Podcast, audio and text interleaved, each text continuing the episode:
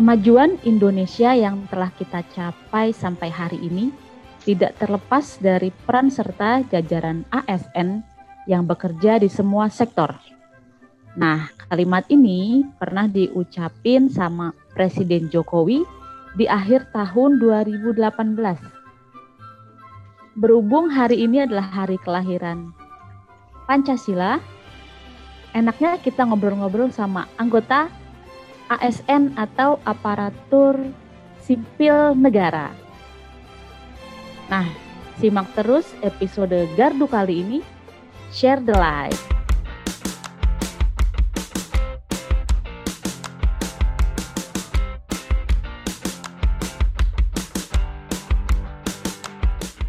Halo guys, gue Welsi yang akan menemani kalian bersama dengan teman-teman kita ini yang bekerja dalam instansi pemerintahan. Nah, coba teman-teman boleh kenalin diri masing-masing dong. Kerjaannya jadi apa supaya teman-teman yang dengar juga yakin nih kalau kalian dan kerja jadi ASN.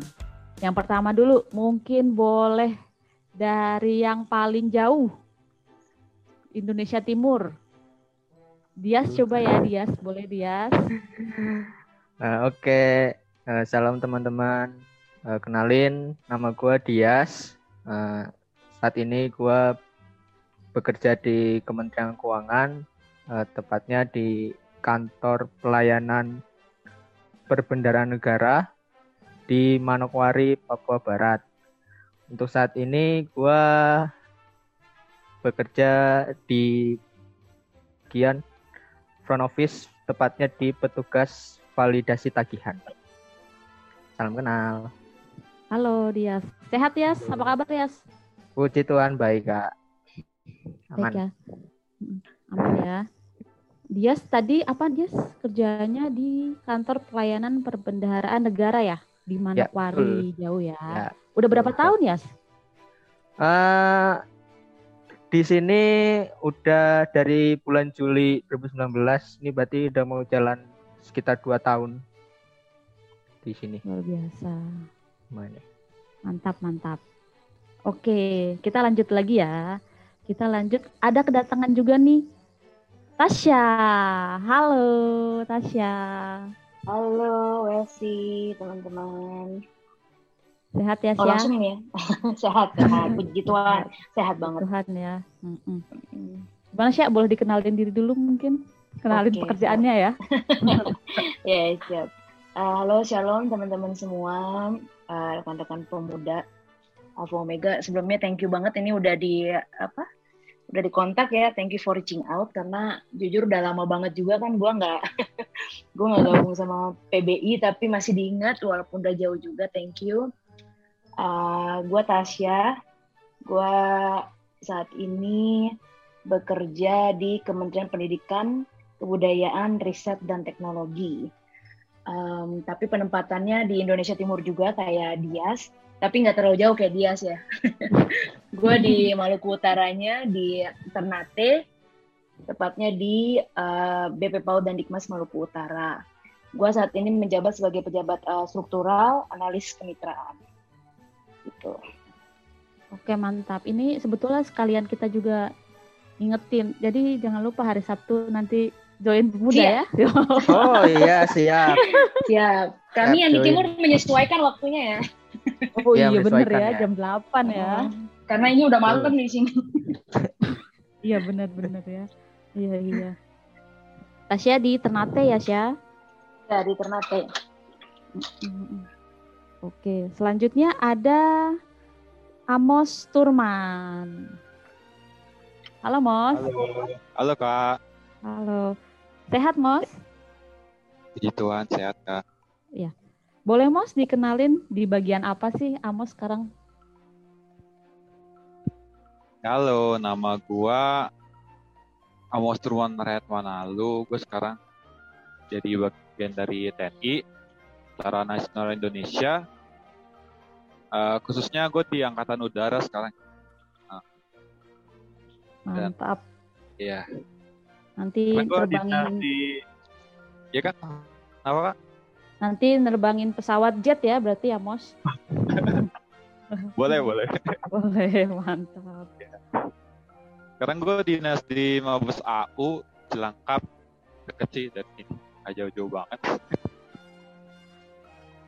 Iya, iya, iya. Udah berapa tahun, Mas?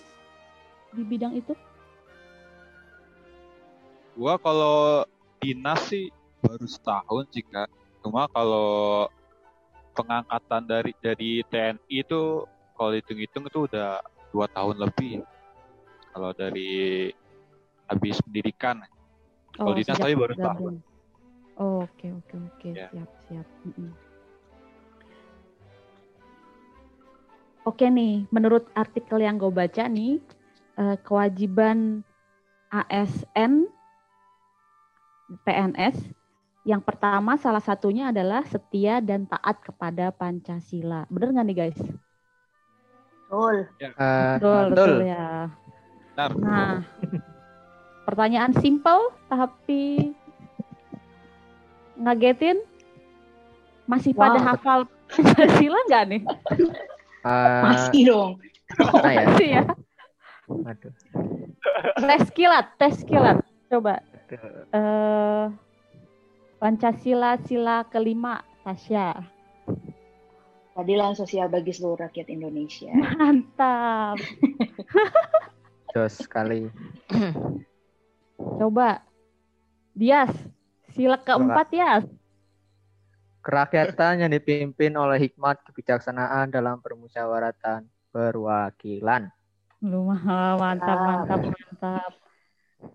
Amos, sila ke tiga nih, cocok nih buat TNI. Yang tiga yaitu Persatuan Indonesia. Luar biasa. Gampang ya, harusnya tesnya undang-undang ya. Undang-undang. Waduh. Berat-berat. Berat ya. Nah, oke. Eh ngomong-ngomong, kenapa sih kalian milih pekerjaan jadi abdi negara nih? Apa emang udah cita-cita dari kecil? Apa yang lain? Boleh dijelasin nggak, Eh, Amos?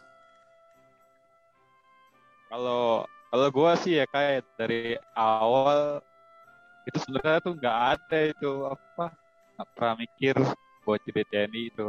Nah, waktu SMA gue sekolah di SMK musik.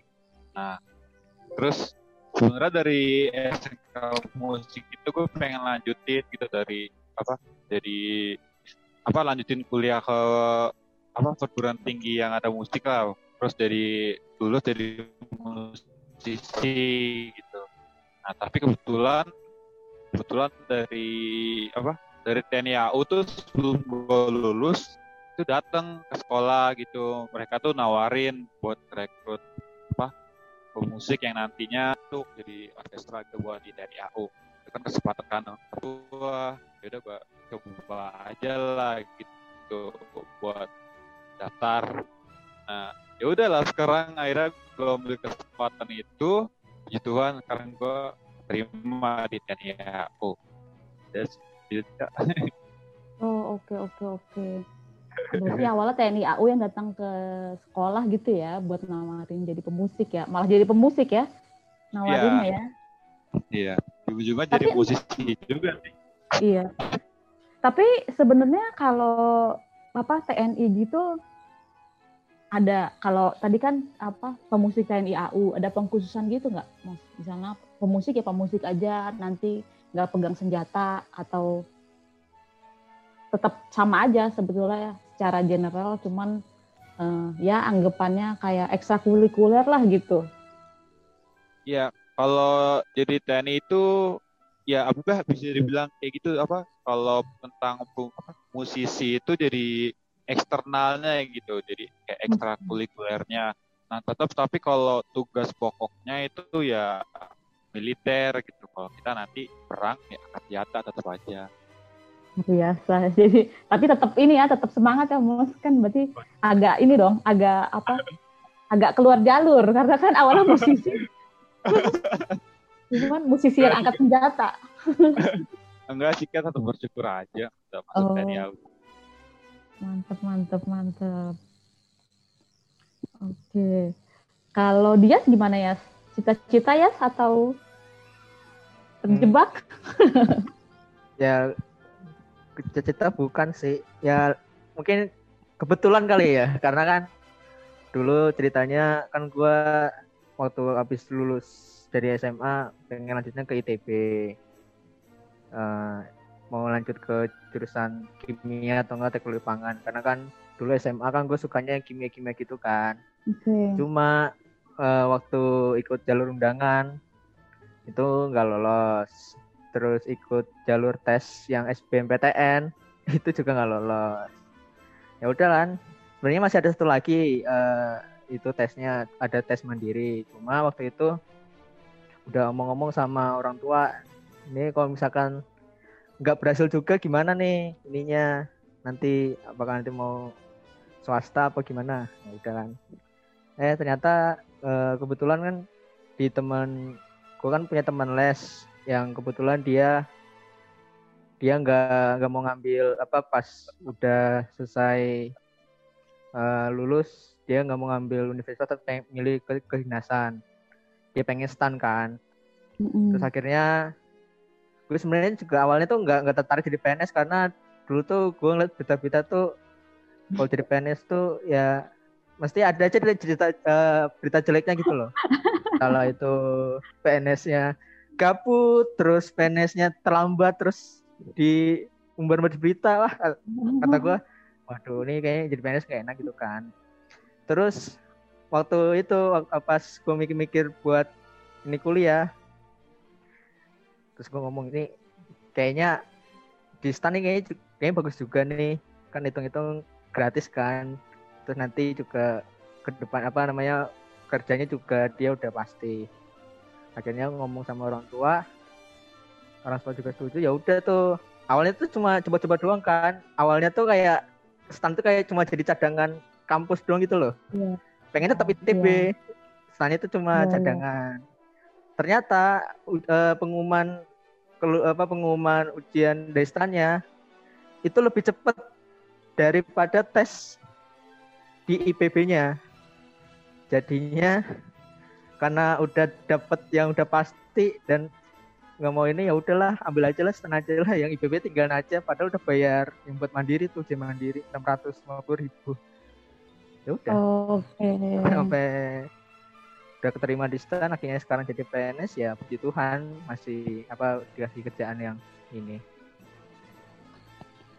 ya, berarti awalnya ya. emang karena dari, dari temen lah ya taunya ya gitu ya ya taunya dari temen ha. Nggak berharap eh malah Tuhan kasih jalan di situ ya. Yes ya. Iya. Iya benar. Tapi benar gabut ya Kemak sekarang ya apa ya kan gabutnya kan beda beda instansi beda kerjaannya saya di sini oh. kalau di sini ya gue kadang gabut kadang ini kadang ini tapi ya gitu deh. Tapi ada aja kerjaan mah ya ya gabut tuh ya gabut tuh cuma satu persen dari beberapa hari berapa sekian banyak hari kerja jarang gabut sih, jarang. Ya berarti Tuhan ngejawab juga tuh doanya. Nggak mau gabut. Nggak mau iya, iya. gabut. Dan kayak kemakan omongan sendiri loh. Dulunya bilang ah nggak mau jadi PNS ya elah malah malah kemakan omongan sendiri jadi PNS justru banyak kan ya yang mau jadi PNS tapi nggak dapet loh. Iya. Gue juga ya, udah betul. sering dengar berita kayak gitu juga. Gitu kan iya. Kalau Tasya gimana sih ya? Hmm.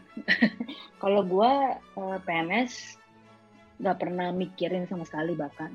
Cita-cita tuh juga nggak pernah. Tapi kalau mau dibilang kebetulan juga bukan kebetulan gitu ya. Gue yakin ini bukan kebetulan gitu. Tapi lebih ke emang jalan hidup yang udah Tuhan tentukan aja. Um, jadi gue 2017 itu gue pertama honorer nih. Ini belum PNS ya. Ini masih honorer jadi kayak uh, lu bukan PNS gitu, lu masih pegawai nggak tetap gitu. Dan gue honorernya juga bukan di kementerian, gue honorernya di Pemda waktu itu. Pemdanya juga Pemda jauh, Pemda di Halmahera Utara, salah satu provinsi di sini juga, eh salah satu kabupaten sorry di sini. Nah, terus uh, itu juga waktu itu gue di gue di apa diminta langsung gitu kan untuk jadi honorer 2017. Nah, 2018 itu kan seleksi CPNS ya, baru buka tuh. Seleksi ya udah kita coba ya kan. Coba, cuman yang lucunya adalah gue tuh nggak kepikiran sama sekali untuk uh, mau di Jakarta. jadi mungkin karena udah kerasan gitu ya di sini gitu di Maluku Utara jadi milihnya juga di Maluku Utara. Ya udah puji Tuhan ikut seleksi. Um, ternyata uh, lolos. Waktu itu juga gue peringkat empat um, terbaik di provinsi uh, untuk PA CPNS Kemendikbud jadi gue rasa ini tuh uh, uh, jadi gue rasa emang ini tuh jalannya Tuhan udah. Jadi uh, gue seneng banget karena Tuhan tuh nuntun gue dari rendah banget gitu kan dari honorer lu bayangin. Dari hmm. pegawai yang nggak tetap gitu. Dan di Pemda satu itu kayak level terbawah lah istilahnya. Udah gitu Tuhan mulai angkat jadi PNS dan nggak di Pemda di kementerian. Which is levelnya di atas Pemda gitu kan. Karena kan skopnya lebih gede kalau kementerian Oke, berarti kan awalnya di kabupaten tadi ya, kabupaten. Benar. Terus setelah ikut tes ke provinsi gitu ya, masuk ke provinsi. Uh -uh. Benar oh, banget. Okay, Terus okay. masuk di kementerian. Nah udah gitu gue uh, waktu prajab latsar ya kalau sekarang bilangnya latsar. Kalau dulu latsar kan prajabatan. Latsar tuh kayak lu sebelum jadi PNS, lu Pelatihan harus melewati ya, oh. lu harus oh. melewati pelatihan-pelatihan. Jadi hmm. kalau uh, lu nggak lolos di latsar juga, lu nggak lolos jadi CPNS gitu. Oh. uh. Nah, nggak lolos jadi CPNS apa nggak lolos jadi PNS? Nggak lolos jadi CPNS gitu. Oh, ya ketika lu nggak lolos jadi CPNS, ya ketika lu nggak lolos jadi CPNS ya berarti lu jadi PNS udah gugur udah gitu kan. Nah di situ juga hmm. uh, eh, gue tuh terkejut terheran-heran juga kan gue tiga bulanan itu latsar di Jakarta. Gue bahkan sempet latsar di Rindam, lu bayangin sipil tapi latsarnya di militer gitu. di angkatan darat di Rindam itu seminggu. Tapi emang militer tuh luar biasa ya. Jadi gue kadang suka respect gitu sama orang-orang militer karena emang sulit gitu sulit banget mereka kita sipil di seminggu aja di sana tuh kayak minta-minta ampun gitu apalagi mereka yang yang sepanjang hayatnya tuh di situ nah lasar itu gue juga uh, jadi lulusan terbaik satu kementerian nih. Um, kementerian uh, eh, CPNS Kemendikbud tahun 2018 tuh gue lulusan terbaik. Jadi pas gue rewind gitu pas gue pikir-pikir ya emang ini udah jalannya Tuhan gitu. Gue jadi PNS karena gue nggak pernah kepikiran sama sekali dan gue juga nggak pernah uh, dulunya tuh gue nggak pernah cita-cita jadi PNS dan mungkin um, saat itu juga kayak gue ikut tes tapi nggak yang ambisi paham kan ya? Jadi iya, kayak iya, optimis benar, tapi nggak ambisi gitu. Jadi uh, mungkin saat itu juga bukan mungkin ya gue percaya apa yang gue usahain itu sejalan sama apa yang Tuhan mau gitu. Makanya jadilah dia klop gitu. Karena gue sebelum uh, jadi honorer gue kan balik ke Indo setelah uh, kuliah 2015 itu gue dua tahun tuh nyari kerja well. Gue nyari kerja itu di swasta itu gue selalu ditolak di uh, tahap wawancara terakhir tahap yang lain-lainnya tuh gue selalu lulus selalu lulus gitu kan tapi uh, I don't know why that time tuh selalu di tahap wawancara akhir tuh gue selalu uh, gagal, selalu fail gitu. Nah, ketika mungkin saat itu ya gue yakin itu nggak sejalan sama apa yang Tuhan mau gitu. Uh, gue usaha tapi itu nggak sejalan sama yang Tuhan mau. Nah, kehidupan PNS saat ini gue yakin yang gue usahain sejalan apa yang Tuhan mau gitu. Jadinya dia klop gitu. Jadi dia dia dia dia uh, match gitu loh jadi makanya gue percaya banget ini tuh kehidupan sebagai PNS apa pun kita ya, teman-teman yang lain juga apa pun uh, uh, pengabdiannya sekarang itu nggak terlepas emang dari usaha lu dan juga dari keinginan Tuhan gitu yang kawin gitu loh berdua. Karena kalau satunya nggak pas ya nggak bakal jadi kalau menurut gue sih gitu. Iya iya. Jadi lo nganggap apa uh, Tuhan udah mempersiapkan semuanya gitu ya, udah jalannya mm -hmm. emang ke situ gitu ya. Emang jalannya ke situ benar. Berarti step selanjutnya apa nih, Sya? ya kita ya gue gue gue jujur gue nggak terlalu apa mikirin gimana gimana ke depannya karena at this moment gue bener-bener enjoy gitu sebagai uh, PNS walaupun uh, di daerah gitu jujur aja sebenarnya pusat itu juga udah mau narik gue di kantor gue kebetulan di Senayan karena memang kan waktu itu gue uh, lulusan terbaik juga jadi udah kayak dibidik gitu loh okay, udah dibidik okay, okay. Uh, yeah. tapi uh, apa namanya gue yakin uh, gue ditempatkan di daerah itu salah satunya adalah untuk mempersiapkan gue juga gitu. Jadi untuk siapa nih sama-sama di daerah juga Dias ya, Dias. Walaupun pasti itu jauh banget di Manokwari ya kan itu kayak di Papua oh, jelas. kan Dias. Oh jelas. uh, tapi nggak usah kayak yang berkecil hati gitu loh karena yeah. Ya. uh, yakin deh kayak lu ditempatkan di daerah karena emang lu uh, nanti akan dipersiapkan untuk greater things gitu loh. Ya kan, udah gitu, uh, lu ngerasa nggak sih Dias kalau di daerah tuh kita lebih bisa um, untuk reach out ke masyarakat, ya kan? Yeah, kalau kementerian kan di pusat itu mereka tuh lebih ke pengambil kebijakan, ya kan? Hmm. Kita di daerah yang benar-benar ngelakuin apa yang mereka mau gitu. Yeah. Jadi hmm. bersyukurlah kalau di daerah itu lu lebih banyak bisa ngeliat kehidupan masyarakat tuh kayak gimana gitu. Kalau di daerah kan mereka cuma ngeliat secara makronya doang gitu. Jadi uh, bersyukur um, ini mungkin untuk teman-teman juga apa pun yang sedang lo kerjain sekarang bersyukur karena itu memang part of uh, rencana Tuhan di hidup lo gitu. Nggak ada yang kebetulan kalau menurut gue di dunia ini. Mantap mantap. Iya. Uh, boleh info nggak sih? Jadi sebenarnya untuk apa masuk ke CPNS hmm. atau PNS itu tuh ada berapa jalur sih? Mungkin bagi teman-teman yang pengen yang remaja nih yang Oh siap pengen hmm, masuk jadi, jadi PNS gitu kan. Uh, PNS itu sebenarnya ada dua jalur ya. Kalau secara umum yang pertama itu tadi lewat sekolah kedinasan. Yang tadi dia sudah ngomong itu kayak dia lewat stan ya dia sih ya. Terus Amos yep. uh, itu lewat uh, akademi militer pasti Akmil gitu kan. Kebetulan adik gue juga Akmil. Itu lewat situ yang di mana lu ketika uh, beres pendidikan di situ, lu otomatis okay, langsung jadi ya. abdi negara. Nah Uh, yang kedua itu untuk masyarakat umum kayak gue yang harus melewati seleksi seleksi secara terbuka gitu seleksi uh, gede-gedean gitu. Seleksi CPNS itu di, diambil dari latar belakang mana pun. Itu lu bisa uh, seleksi. Jadi ini kan tahun ini mau buka lagi ya kayaknya ya? Yeah, CPNS nih? Uh -uh. Uh. jadi dimanfaatkan sebaik-baiknya teman-teman uh, dari mana pun bisa daftar. Bahkan lulusan SMP SMA bisa juga ada formasi-formasi yang memang membutuhkan uh, lulusan-lulusan um, yang tertentu gitu jadi jangan jangan apa jangan down dulu gitu kalau lu mikir aduh gua nih belum S1 gitu atau gua atau gua belum SMA gitu ada ada ada formasi untuk itu.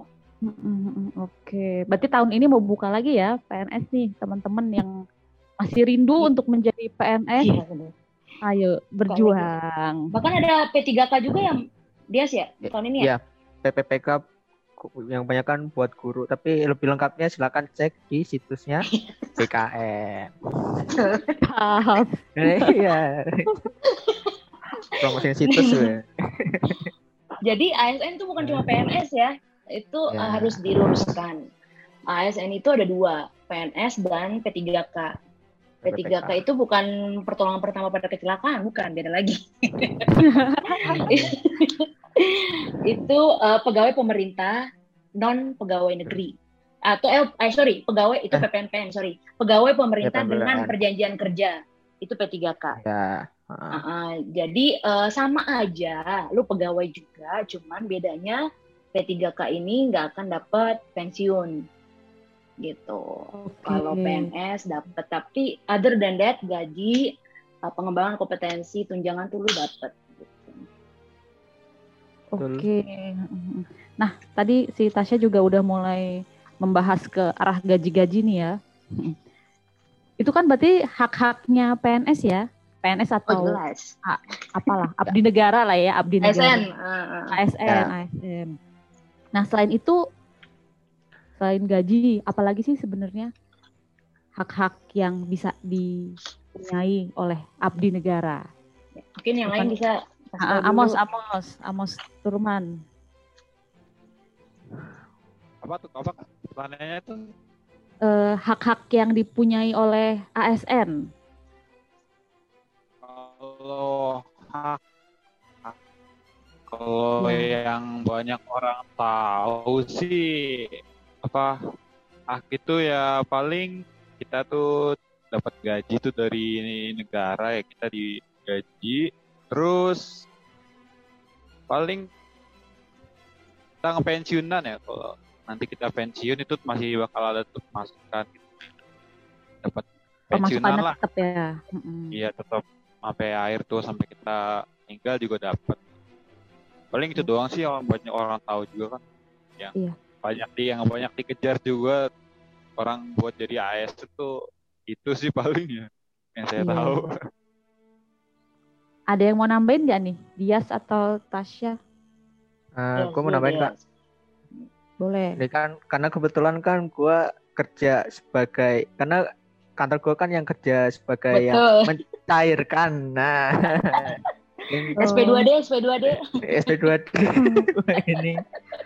Nah, jadi ya tadi yang dijelasin sama Amos, kita kan dapat gaji, tunjangan, tunjangannya pun juga tunjangannya itu juga macam-macam. Kalau misalnya kita di daerah itu biasanya ada tunjangan tersendiri kayak kayak sa- kayak gue yang di Papua Hmm. itu ada tunjangan khusus Papua.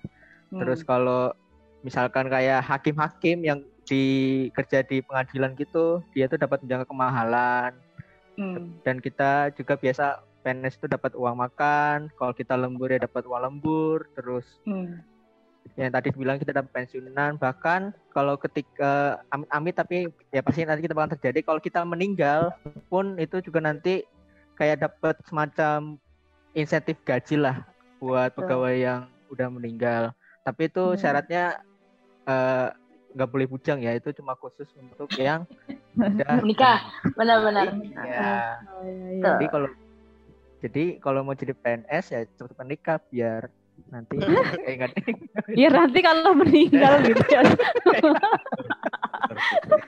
Nah, terus Iya. juga kayak gue nih yang di sekarang di daerah kan kebetulan eh, karena kantor gue ini kan dijadiin tempat buat tempat tinggal ya. Jadi kantor lama ini kan sebenarnya mes mes mes dari kantor eh, kantor lama gua.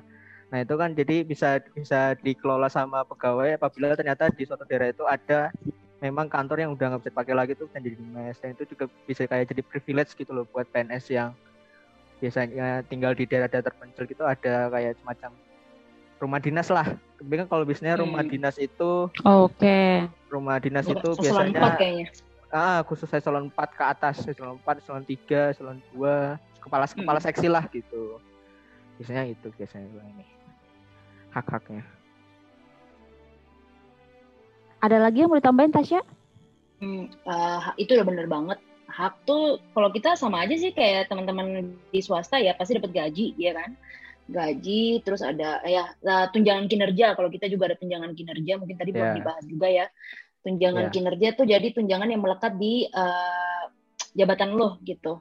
Jadi ada grade-grade-nya kalau kita itu se- disesuaikan. Terus yang penting sih menurut gua eh, pengembangan ini sih kompetensi. Jadi eh, ASN itu PNS itu khususnya ya itu setiap tahun harus mendapatkan pelatihan-pelatihan.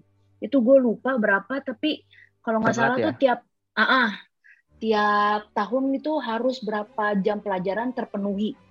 23 Gitu, untuk-. Iya, ah, ah, pokoknya segitulah.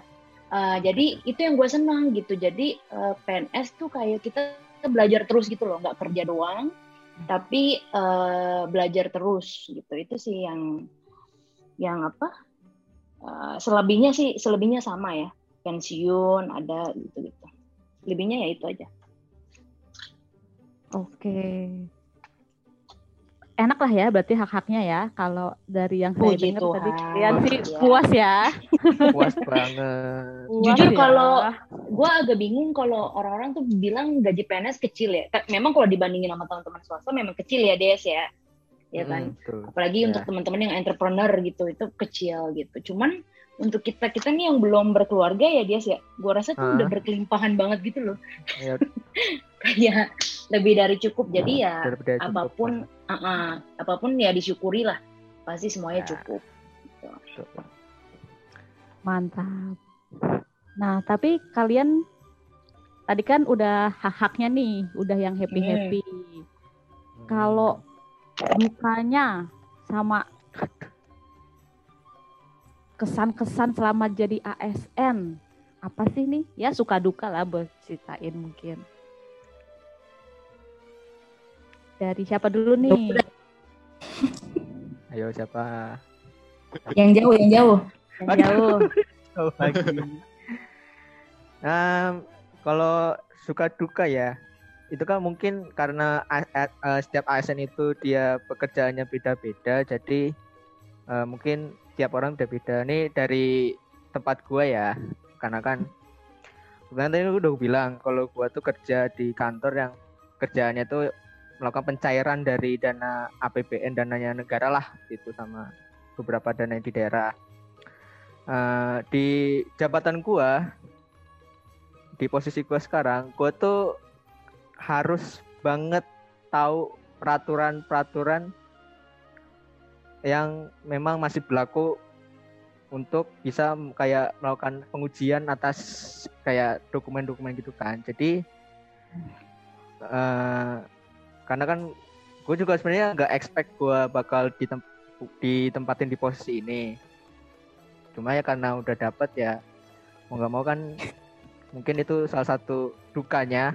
Jadi bayangin dari sekian sekian banyak peraturan tuh harus gue baca, harus gue hafalin, harus gue pahamin biar gue tuh nggak kayak semacam salah bayar ke orang gitu loh.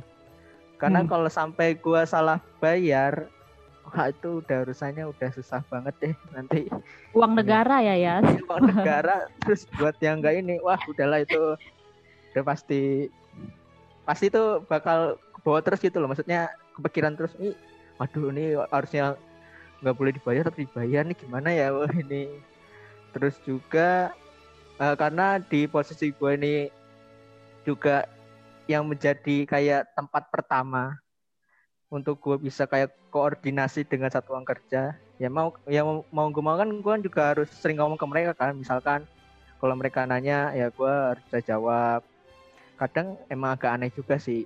Jadi kalau di tempat kalau di instansi gue tuh kayak kalau lu kerja tuh harus bener lah pokoknya. Maksudnya kalau lu pun salah lu bisa kayak kasih pembelaan gitu loh. Jadi ya agak susah juga kalau misalkan yang ternyata salahnya di gua terus tahu-tahu gua harus kayak ngebenerin oh enggak nih saya bener kok saya ini kok. Nah itu juga kayak jadi duka gitu kan. Bingung juga nih buat alasannya. Jadi kadang di kerjaan gua tuh ya itu baca aturan dan gua juga harus bisa membuat alasan untuk membenarkan diri gua sendiri padahal gua tahu kalau gue itu salah gitu itu Mempertanggungjawabkan ya apa Iya. yang yang- ya itu sih Kalau Tasya gimana sih ya? pusing dah Suka duka ya. Eh, suka duka banyak banget sih. Cuma lebih kalau gue lebih banyak sukanya. Kalau dukanya mungkin lebih ke kita sebagai PNS ya. Eh, ini ngomongin PNS karena kalau P3K mungkin nggak kayak kita. Karena kalau PNS kan kita harus siap nih ditempatkan di mana aja ya. Apalagi eh, PNS yang di kementerian kayak kita gitu. Karena walaupun kita di daerah, statusnya tetap lu pegawai pusat gitu. Lu pegawai kementerian yang setiap saat kapan pun bisa itu eh, lu bisa dipindah, lu bisa dimutasi. mutasi Ya, mungkin lu nanti dari sini eh, mutasi ke provinsi mana gitu, ke provinsi mana gitu. Itu kita nggak ada yang tahu gitu kan. Jadi emang itu mungkin karena eh, ketika lu dimutasi berarti lu harus jauh dari orang tua. Karena kan lu nggak bisa milih lu eh, mau di mana itu semua ditentukan dari pejabat-pejabat yang di atas. Cuman eh, kalau di kasus gua sama ini orang tua eh, bersyukurnya memang eh, suportif banget gitu. Gua rasa teman-teman yang di sini juga pasti orang tuanya suportif banget, keluarganya suportif. Jadi itu bukan sesuatu hal yang menjadi masalah ya. Cuman nanti mungkin akan menjadi beban pikiran ketika kita mungkin udah nikah gitu. Ya benar. Eh, Heeh, gitu kan. Cuman ya kalau gue prinsipnya udahlah sekarang diinin aja dulu diantepin dulu gitu kan. Ya ya nanti ya nanti gitu. yang sekarang kita syukuri itu kalau Jalanin dulu ya. benar jalanin dulu pasti kalau Tuhan kasih di sini Tuhan juga yang akan kasih kemampuan gitu kan jadi kalau dukanya kalau gue lebih ke itu aja jauh dari orang tua jauh dari keluarga begitu kan gue di sini juga sendiri pasti dia juga di sana sendiri kan ya gitu Oh, jelas.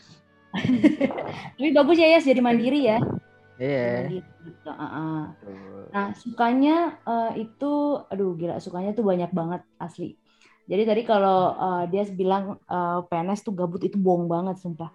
PNS tuh, PNS tuh kerjanya banyak banget, kayak aduh kepala udah mau pecah gitu kan. Tapi tetap enjoy gitu. Nah, sukanya adalah mungkin karena gue pribadi ini passion gue juga kali ya dan juga gue yakin ini yang Tuhan mau. Jadi gue enjoy banget gitu. Sukanya ya gue banyak ketemu eh, orang-orang yang ahli di bidangnya. Apalagi gue eh, apa namanya baru banget di dunia kan gue di Direktorat Jenderal PAUD ya, pendidikan dasar dan pendidikan menengah. Tapi gue lebih ke PAUD ke pendidikan anak usia dini dan pendidikan masyarakat, which is pendidikan non formal dibandingkan pendidikan formal. Nah, jadi gue baru banget di pendidikan non formal gitu dan pendidikan non formal selama ini tuh dianggap sebelah mata uh, di negara kita gitu. Jadi kan kita lebih kita tuh lebih fokus di pendidikan formal SD, SMP, SMA. Padahal pendidikan non formal itu penting banget. Nah, gue sukanya di situ, gue dapat banyak pengalaman, gue dapat banyak ilmu. Uh, teman-teman gue sekarang ini bukan yang sebaya lagi teman-teman gue, teman-teman gue kepsek, kepala-kepala sekolah gitu kan, kepala-kepala dinas yang di mana mereka tuh uh, apa namanya udah berpengalaman gitu. Jadi ya gue senangnya ada transfer ilmu sih. Kalau lu jadi Ya, benar. benar. Itu transfer ilmu tuh ini banget apa namanya kunci banget.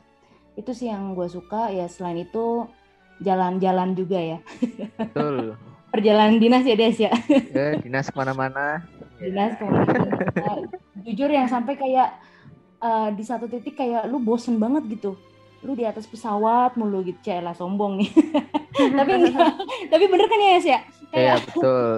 kayak ada di satu titik kayak aduh cukup deh gitu kan Eh, cuman ya memang itu yang harus kita kerjakan ya dianggap suka aja lah gitu itu sih palingan Kata-katanya Tasya yang gue highlight banget itu adalah eh, harus nikmatin kerjaan kita ya.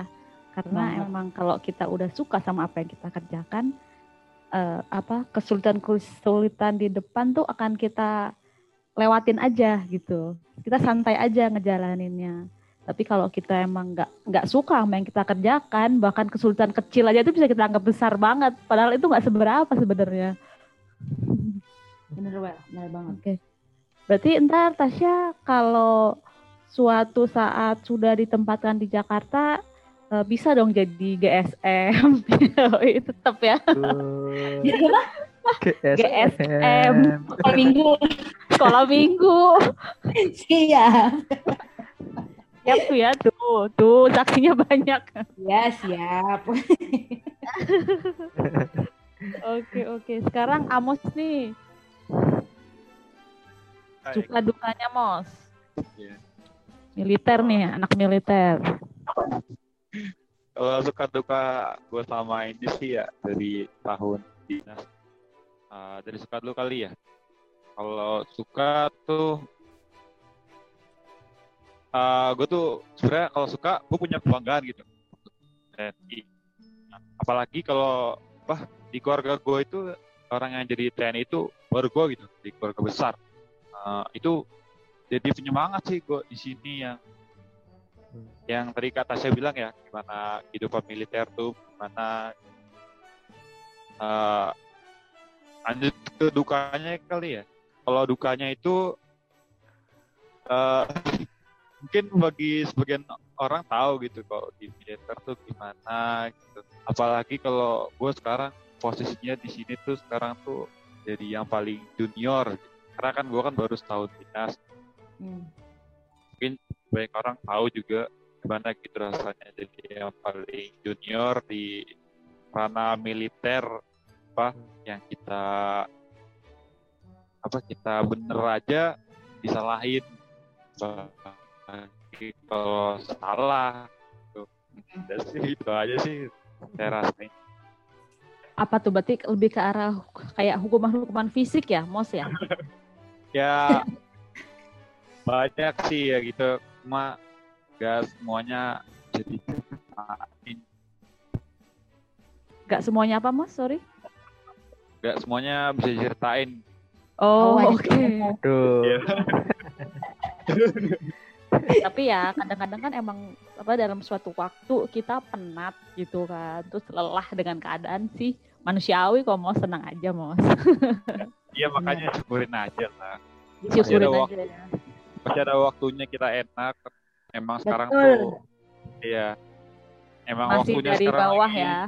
Dari bawah aja dari baru-baru masuk kayak paling junior lah pasti. Iya, iya, iya. Kalau kita staff di swasta nih ya, kalau junior, eh misalnya kita punya, kalau gue dari gue ya, misalnya kita punya target produksi gitulah ya. Nah, masing-masing orang kan punya target produksi. Gue sebagai staff, terus bos gue. Kalau kita sebagai junior, kadang-kadang eh, apa namanya kerjaan bos kita, kita yang handle sebagian besar, tapi produksinya masuk ke bos. Nah itu kalau gue kadang-kadang. Oh, Betul, jauh beda. Jauh beda, ya benar. jauh beda kok. Oh, iya. Sama semua. Sama ya. Sama, sama.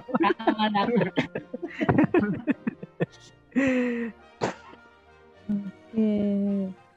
Nah, ini pertanyaan terakhir. Hmm. Apakah selama ini kalian tuh udah ngerasa berdedikasi bagi Indonesia? Yo, man, berat.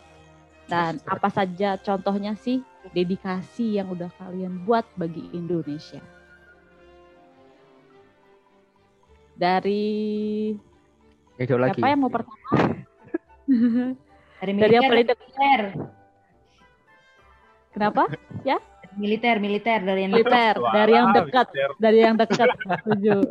Aduh, dedikasi. Dedikasi.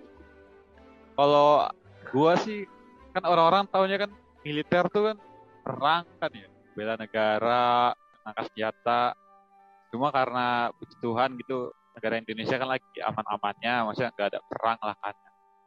Jadi kalau tentang soal perang angkat senjata, belum lah belum ada pengalaman soal itu. Tapi kok soal dedikasi dinas itu eh, belakangan ini kan di Indonesia kan lagi banyak tuh ya. Kayak bencana alam gitu. Kayak Ya. banjir segala macem lah. Nah kalau gua tuh kebetulan kan gua kan dinasnya di Mabes Mabes AU Cilangkap.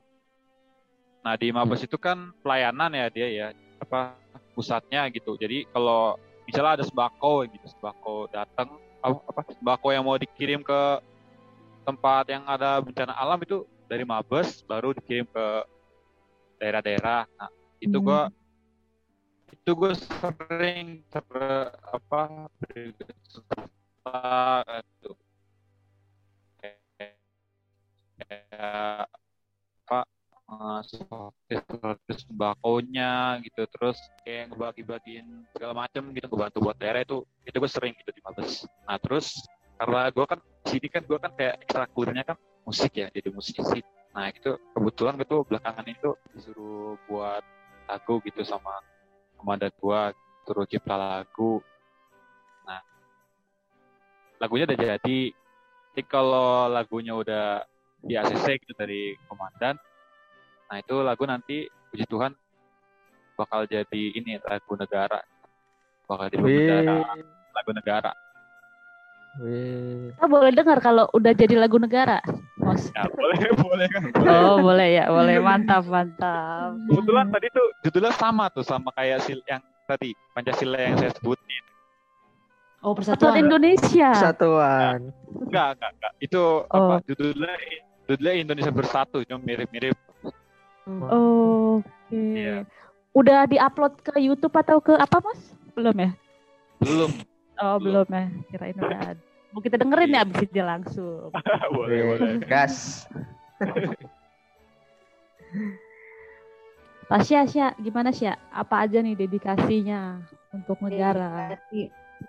Eh, kalau dedikasi itu kan pasti simultan ya, berkelanjutan gitu. Jadi eh, pasti lu akan terus berdedikasi gitu. Lo ada hasil hasil pro, apa kerja lu yang emang menjadi uh, dedikasi lu. Kalau gue mungkin karena di pendidikan ya dan lebih ke PAUD dan Dikmas pendidikan masyarakat. Jadi dedikasi gue ya bagaimana caranya untuk uh, meratakan kualitas pendidikan apalagi kan di daerah ya. Kalau di Jawa kan kayak pendidikan tuh rata-rata udah bagus semua gitu kan. Tapi kan kalau di wilayah timur ini memang kita harus uh, truthfully speaking kualitas tuh masih belum merata lah. Jadi udah gitu di sini tuh uh, 10 kabupaten kota, tapi kita tuh pulau semua well. Jadi uh, ketika lu harus ke kabupaten kota lain harus pakai speedboat gitu. Okay. Uh, jarang yang pakai uh, jalur darat gitu. Iya. Gue aja sampai kayak mikir gitu gila ini Jokowi kalau ngelihat langsung gitu ya. Eh Jokowi udah pernah ke sini by the way. Tapi kalau Jokowi ngelihat pegawai-pegawainya ini di daerah-daerah timur, dia eh, beliau tuh pasti bangga banget gitu karena kayak tiga matra itu kita pakai semua, udara, laut, darat gitu tuh kita pakai semua. ya dia sih ya, apalagi ke daerah-daerah terpencil gitu. Jadi itu menurut gue ada salah satu dedikasi ya karena nggak gampang gitu. Yeah. Dan juga uh, mungkin dedikasinya adalah ini gue juga masih belajar, tapi gue bersyukur banget gue tuh udah dipercayain untuk kayak um, jadi narasumber dan jadi kayak uh, pelatih untuk kepsek-kepsek. Lu bayangin kepsek coy. kayak dulu tuh guru yang ngajarin kita gitu kan ya. Sekarang tuh kebalik gitu. Lebih kayak kita yang uh, apa mempersiapkan teman-teman uh, tendik uh, atau tenaga kependidikan termasuk juga kepala-kepala sekolah. Tapi ya itu baik hmm. lagi dedikasi itu nggak harus yang um, gede yang harus lu harus kasih materi atau apa enggak gitu. Hmm. Dedikasi hmm. itu kecil aja ketika lu udah semangat kerja, lu semangat um, melakukan apa yang udah Tuhan percayakan menjadi sebagai pekerjaan lo itu menurut gue ada dedikasi gitu. Karena lu bekerja dengan ikhlas gitu. Itu sih palingan. Oke, thank you Tasya. Lanjut terakhir, Bias. Um, mungkin kalau di kerjaanku yang sekarang salah satu dedikasinya itu adalah mungkin ketika gue bisa mencairkan sesuatu tanpa adanya kayak gue kepikiran ini benar atau enggak karena gue sudah ikut sesuai aturan itu kan.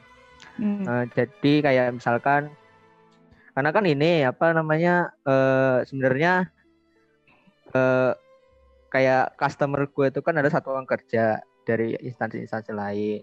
Cuma kan mereka juga ketika mereka mengajukan pembayaran itu kan juga mereka juga larinya ada yang ke masyarakat juga. Kayak misalkan dana bos dana desa terus uh, bantuan sosial yang lagi sekarang di uh, ini oleh Kemensos gitu kan. Nah mungkin dengan cara mungkin dengan gue bisa apa ya eh, kayak tahu ini tuh bener atau enggak ini tuh boleh dibayar atau enggak. Gue tahu aturannya ini sebenarnya ini boleh atau enggak. Itu sebenarnya aku kayak udah cara nggak langsung tuh membantu membantu untuk bisa men apa ya kayak uh, masyarakat bisa dapat ininya gitu loh. Secara langsung tuh masyarakat dapat dapat hasilnya karena gue udah melakukan itu dengan baik dan ketika gue tahu itu dananya bisa cair dan uh, dananya masuk ke masyarakat itu sangat langsung gue bisa ngebantu mereka supaya mereka memang, memang mendapat haknya gitu kan karena ya memang gue emang tadi gue bilang gue memang gak secara langsung membantu masyarakat tapi dari satuan kerja yang mereka ngajuin pembayaran itu hmm. secara langsung gue juga bisa membantu mereka untuk mereka dapat haknya gitu kayak gaji atau ya tadi oh. saya bilang dana bos dana desa gitu, gitu itu sih yang mungkin paling simpel gue bisa melaksanakan tugas gue dengan baik dan benar gitu. Iya melalui pekerjaan lo gitulah ya. Lo iya. pada dana masyarakat dia iya dana bos. Siap siap ya ini. Gitu. Oke, kalau gitu makasih banget ya nih teman-teman untuk waktu ngobrol-ngobrolnya yang sangat menginspirasi. Thank you ya teman-teman udah bisa hadir di sela-sela kesibukan teman-teman semua. Terus berjuang untuk kemajuan Indonesia. Amin. Amin. Amin. Dan Amin. tentunya buat kamu-kamu semua yang dengerin, Tuhan juga menasihatkan kita supaya kita juga melakukan sesuatu untuk negara kita. Dalam Yeremia 29 ayat 7, usahakanlah kesejahteraan kota ke mana kamu aku buang. Yang Hmm. maksudnya di mana pun Tuhan menempatkan kita, kita tetap harus berjuang untuk daerah itu. Terus Benar. selanjutnya juga dibilang, dan berdoalah untuk kota itu kepada Tuhan, sebab kesejahteraannya adalah kesejahteraanmu. Amin. Amin. Amin. Amin. Jadi Amin. jadi ingat selalu untuk doain negara kita juga ya teman-teman semua. Soalnya Ya. kalau negara kita aman, kita juga yang menikmati. Ya. Ya. Sampai ketemu di episode Gardu berikutnya dan pastinya tetap jadi berkat dan share the light. Thank you semua. Thank you Thank Tasya. you. Dia. Thank you. Iya. Iya Ada gerhana bulan nih. Yes. Di sini mendung gua, bisa lihat. Udah merah ya? Iya di timur nih katanya jelas banget. Oh, di timur.